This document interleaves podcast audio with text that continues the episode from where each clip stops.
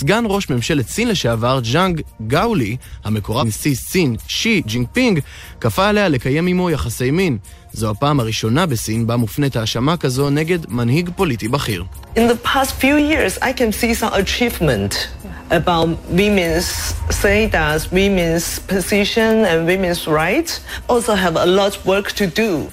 בשנים האחרונות אני יכולה לראות הישגים באשר למעמד הנשים, אבל יש לנו הרבה עבודה לעשות, סבורה אחת הפעילות המובילות בסין בתחום זכויות הנשים. דבריה של כוכבת הטניס, דרך אגב, נמחקו תוך 30 דקות, וכך גם כל פוסט הקשור לדבריה ברשתות החברתיות בסין. ורגע לפני שנרחיב על ועידת האקלים בגלסגו, עדכון חם מהבוקר, יותר מ-40 מדינות התחייבו להפסיק בהדרגה את השימוש בפחם לייצור חשמל ב-10 עד 20 השנים הקרובות. אלא שמדינות גדול, גדולות שכלכלתן תלויה בזהב השחור, כמו ארצות הברית, סין, הודו ואוסטרליה, לא חלק מההתחייבות. וכששתי המעצמות הגדולות לא חותמות על הסכמים, יש להן פנאי לחילופי האשמות. 应对气候变化需要的是切实行动。 מעשים חשובים יותר מדיבורים וממילים ריקות, אמר אתמול דובר משרד החוץ הסיני בתגובה לביקורת ביידן על היעדרות נשיא סין, שי, מהוועידה. וגם, נדבר על חלומות. מהחלום של הדמוקרטים בארצות הברית שהתנפץ השבוע לרסיסים, וגם על החלומות של כולנו, ואם הם השתנו בעקבות הקורונה. מעט מאוד זמן, הרבה להספיק. בואו נמריא.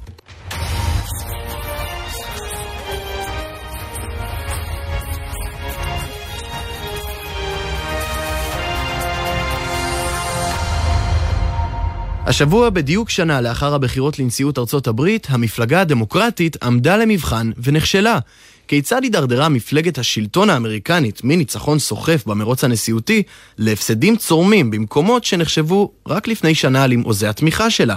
עם תוצאות הבחירות המקומיות ומשמעותן, מצטרפת כתבתנו גל אשד. שלום גל. כן, שלום טל. ביום שלישי נערכו הבחירות המקומיות בארצות הברית, שאפשר לומר הדליקו נורת אזהרה עבור המפלגה הדמוקרטית, שהתמודדה עם כמה כישלונות מפתיעים. מה בדיוק היו גל ההפתעות או האכזבות של הדמוקרטים? אז הדוגמה הבולטת ביותר היא וירג'יניה, בה ניצח גלן יאנגקין הרפובליקני, שהביס ברוב המחוזות את המושל המכהן מטעם המפלגה הדמוקרטית, טרי מקוליף. זה קורה אחרי למעלה מעשור דמוקרטי בווירג'יניה, וניצחון מוחץ של ביידן במדינה בשנה שעברה. בניו ג'רזי טל גם בה נערכו בחירות למושל. הדמוקרטים יכולים היום לנשום לרווחה, לאחר שהמושל המכהן הדמוקרטי פיל מרפי ניצח, אבל בפער קטן מאוד חשוב לציין. ואיך השינויים האלה במאזן הכוחות, השינויים המשמעותיים, יש לציין, צפויים להשפיע על העתיד המפלגה הדמוקרטית? בטווח הקרוב טל, עיני האומה האמריקנית נשואות לעבר בחירות האמצע שיקרו בעוד שנה, בהן יאלצו הדמוקרטים לעמוד במבחן האמיתי ולהוכיח שהם עדיין שולטים בקונגרס. החשש של ביידן הוא שיאבד את הרוב בבית הנבחרים, ובעצם יקטן כוחו הפוליטי במחצית השנייה של כהונתו. אבל בטווח הרחוק מדובר בירידה משמעותית בכוחה של המפלגה הדמוקרטית, ובסיכוייו של ביידן להיבחר לקדנציה שנייה. חשוב לציין טל שהנשיא הרפובליקני לשעבר, דונלד טראמפ, כבר פיזר רמזים עבים על כוונתו להתמודד על הנשיאות בפעם השלישית, בבחירות של שנת 2024, והוא כמובן מהווה איום ממשי עבור ביידן או הנציג הדמוקרטי שיתמודד אחריו. ונחזור רגע גל מטראמפ לכאן ועכשיו. ראינו הפתעות נוספות גם בבחירות לראשות הערים הגדולות. כן, טל, אז בבחירות לראשות עיריית ניו יורק דווקא לא הייתה הפתעה, והעיר נותרה כחולה כאשר הנציג הדמוקרטי אריק אדמס ניצח בפער עצום את המועמד הרפובליקני. ניצחון מוחץ נוסף נרשם גם בבוסטון, בו נבחרה לראשונה לראשות העיר אישה, שגם משתייכת לקבוצת מיעוט אתני. בסופו של יום, טל, גורלם של הדמוקרטים לא נחרץ, אבל זאת בהחלט עשויה להיות נקודת מפנה, וירידה בכוחה של מפלגת השלטון. תודה רבה, גל. תודה רבה, טל. טיפות הזיעה הקרה על המצח של הנציגים בגלסגו במשא ומתן הקדחתני מתחילות לבצבץ ומנסות להוריד את האקלים החם בחדר וגם על הדרך את זה של העולם כולו. המדינות מבינות שבמשחק על עתיד העולם, הסיבוב הזה הוא סיבוב מכריע, וכעת הגיע הזמן לחשוף את כל הקלפים בלי בושה, כי האמת היא שהתחרות היא לא אחת נגד השנייה, אלא כולן נגד השעון. ובעוד שכולנו הסתכלנו על גרטה ומנהיגי העולם שעמדו באור הזרקורים ועל הפודיום, אנשי המפתח האמיתיים, שיקבעו אם הוועידה תצליח או תיכשל, הם המתווכים שחותמים על ההסכמים בחדרי חדרים. חברות דסק החוץ שלנו יצאו לבדוק מי הם אותם מתווכים ואילו אינטרסים הם מביאים לשולחן. מי שמייצג את המעצמה שפולטת הכי הרבה גזי חממה בעולם, סין, הוא קסי ז'ונווה, השליח המיוחד של הרפובליקה העממית לענייני האקלים. הוא אמנם פרש בתחילת השנה, אך נקרא שוב לתפקיד, כנראה בגלל יחסי העבודה הקרובים שלו עם עמיתו, השליח האמריקני ג'ון קרי. מערכת היחסים בין השניים הייתה קריטית לעיצוב הסכם פריז, אז הם הצליחו להגיע להסכמות והבנות, אך כעת האתגר גדול בהרבה. מטרתו בוועידה שייה ז'נהואה הסיני, שמקבל הוראות מבייג'ין, היא לשמור על המצב הקיים ועל הבנות הסכם פריז, בעוד קרי בשליחות ביידן מנסה להוציא מסין התחייבויות עמוקות יותר למאבק במשבר, אך עד כה ללא הצלחה. יש שיגידו שהאיש שהכל מוטל על כתפיו הוא נשיא הוועידה וחבר הקבינט והפרלמנט הבריטי אלוק שרמה. בסופו של דבר האחריות שלו תהיה להביא כמה שיותר מדינות לחתום על הסכם. ובעוד ששרמה שומר על אופטימיות זהירה, הוא מודה שהמשימה תהיה קשה יותר מב-2015, אז נחתם הסכם פריז. הוא גם מבין כי כל צעד שלו ייבחן בזכוכית מגדלת בידי המדינות השונות, שכנראה לא יעשו לו חיים קלים בדרך להגשמת היעד. את הגשר בין גלסגו לאירופה בונה שרת האקולוגיה של ספרד, תרזה ריברה. היא הייתה מעורבת במשא ומתן בנושא האקלים של האו"ם במשך עשרות שנים, ובביתה היא מפקחת על המעבר של ספרד מפחם לאנרגיה מתחדשת. וכיאה למגשרת, היא יודעת שהדרך להשיג התקדמות בוועידה היא בניית קואליציה של בעלי רצון טוב. ריברה נחשבת לשחקנית מפתח, שביכולתה לפתח קואליציה שכזו, שתוביל להסכם.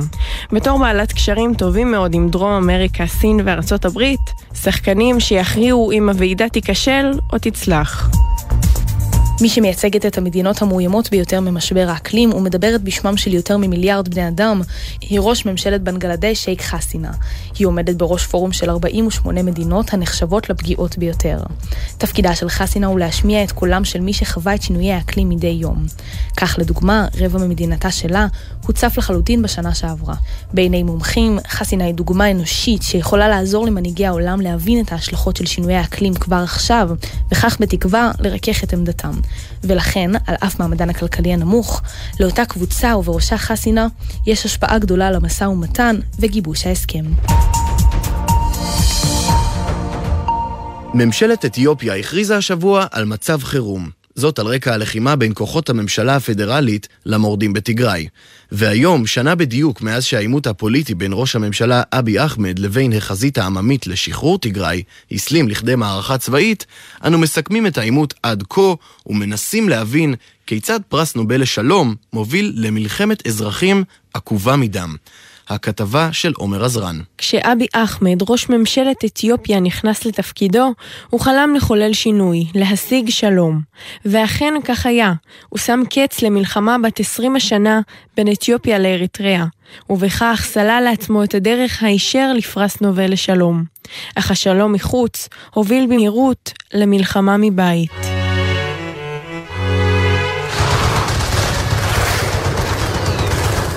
מלחמת האזרחים שם פרצה בדיוק לפני שנה, כשהבסיסים של הצבא הפדרלי האתיופי בחבל תיגראי בצפון אתיופיה הותקפו. ראש ממשלת אתיופיה, אבי אחמד, כינה את המתקפות בוגדניות. הטיל את האשמה על חברי ארגון החזית העממית לשחרור תיגראי, שעד לעלייתו לשלטון, שלטו באתיופיה באחיזת ברזל, ופתח במבצע צבאי נגדם בחבל. The federal government had every right to deploy federal security forces and use force in order to apprehend those implicated in massive corruption and gross human rights violation. לממשלה יש כל זכות לשלוח כוחות צבאיים ולהשתמש בכוחה נגד מפרי זכויות אדם, הכריז אחמד. וכך, שבעה מיליון תושבים מצאו עצמם בין הצבא האתיופי הפדרלי והכוחות החמושים של צבא אריתריאה לבין הכוחות מתוך תיגראי. הטיגרינים לא מקבלים מים זורמים, מזון ואף טיפול רפואי, וכאשר קרסו רשתות התקשורת הם נותרו כמעט בלי חיבור לעולם החיצון.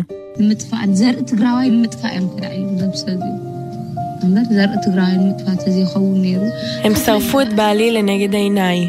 השארתי לבדי, הם אנסו אותי, הם לקחו כל מה שהיה לי.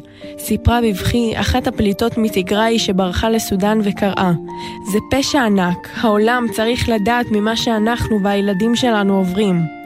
למרות העדויות על פשעים נגד האנושות, מעשי טבח, ביזה ורעב, מדינות העולם, כהרגלן, אינן ממהרות להתערב.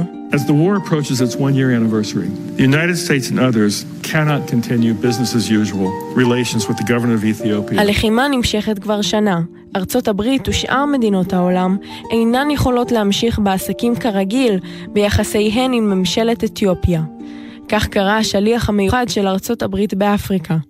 אך בזמן ההצהרות, בשנה החולפת אלפים נהרגו, ושני מיליון נעקרו מבתיהם. כעת כוחות ההגנה של תיגראי ממשיכים להשתלט על ערים ולהתקרב לאדיס אבבה. במלוא שנה למלחמת האזרחים, הסוף אינו נראה באופק, והחשש שהסכסוך יוביל אפילו לפירוק המדינה השנייה בגודלה באפריקה, הולך וגובר.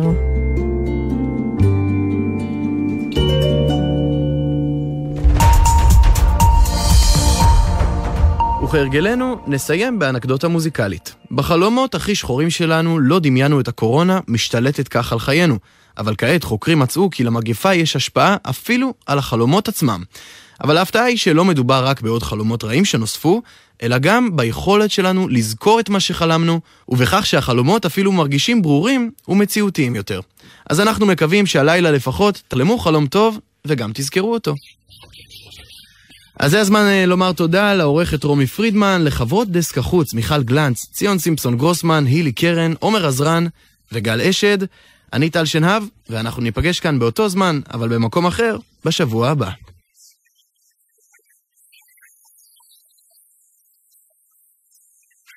Red breezes seem to whisper, I love you.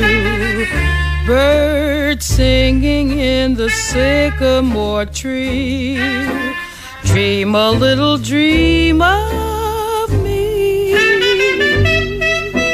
Say nighty night and kiss me.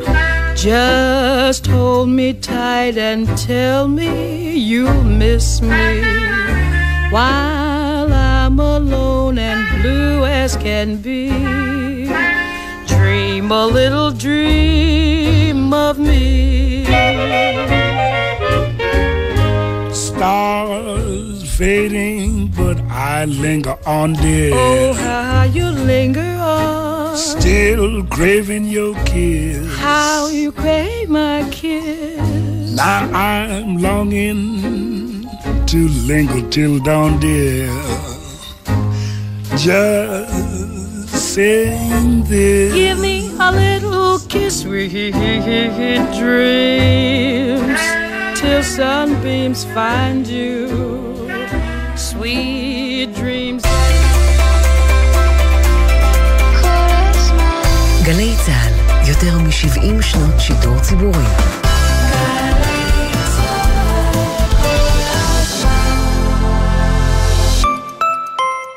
שלום, כאן מורן מהמוקד הלאומי קו החיים. ראיתם עובד בגובה בלי קסדה ובלי רתמת הגנה? אל תהססו, דווחו.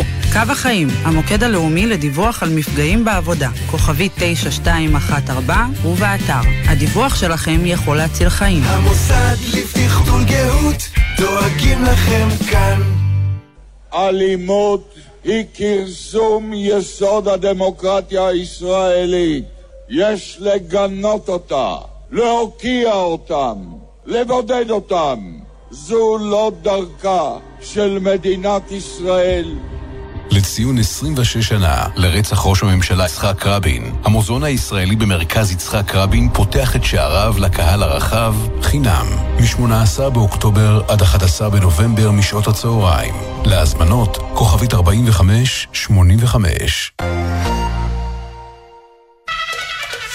שלום, כאן יואב קוטנר מהתוכנית מוזיקה היום. אתם מוזמנים להצטרף אליי ולשמוע את מיטב האומנים, הביצועים הגדולים מתחילת הדרך. הערב, בשבע, בגלי צה"ל ובכל זמן שתרצו, באתר וביישומון.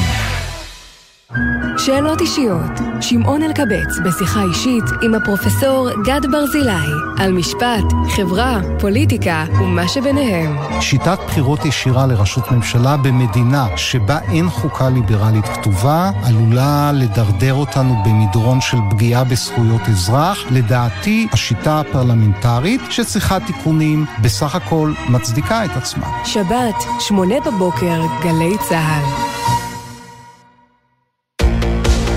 מיד אחרי החדשות, עידן קבלר ואורי אוזן.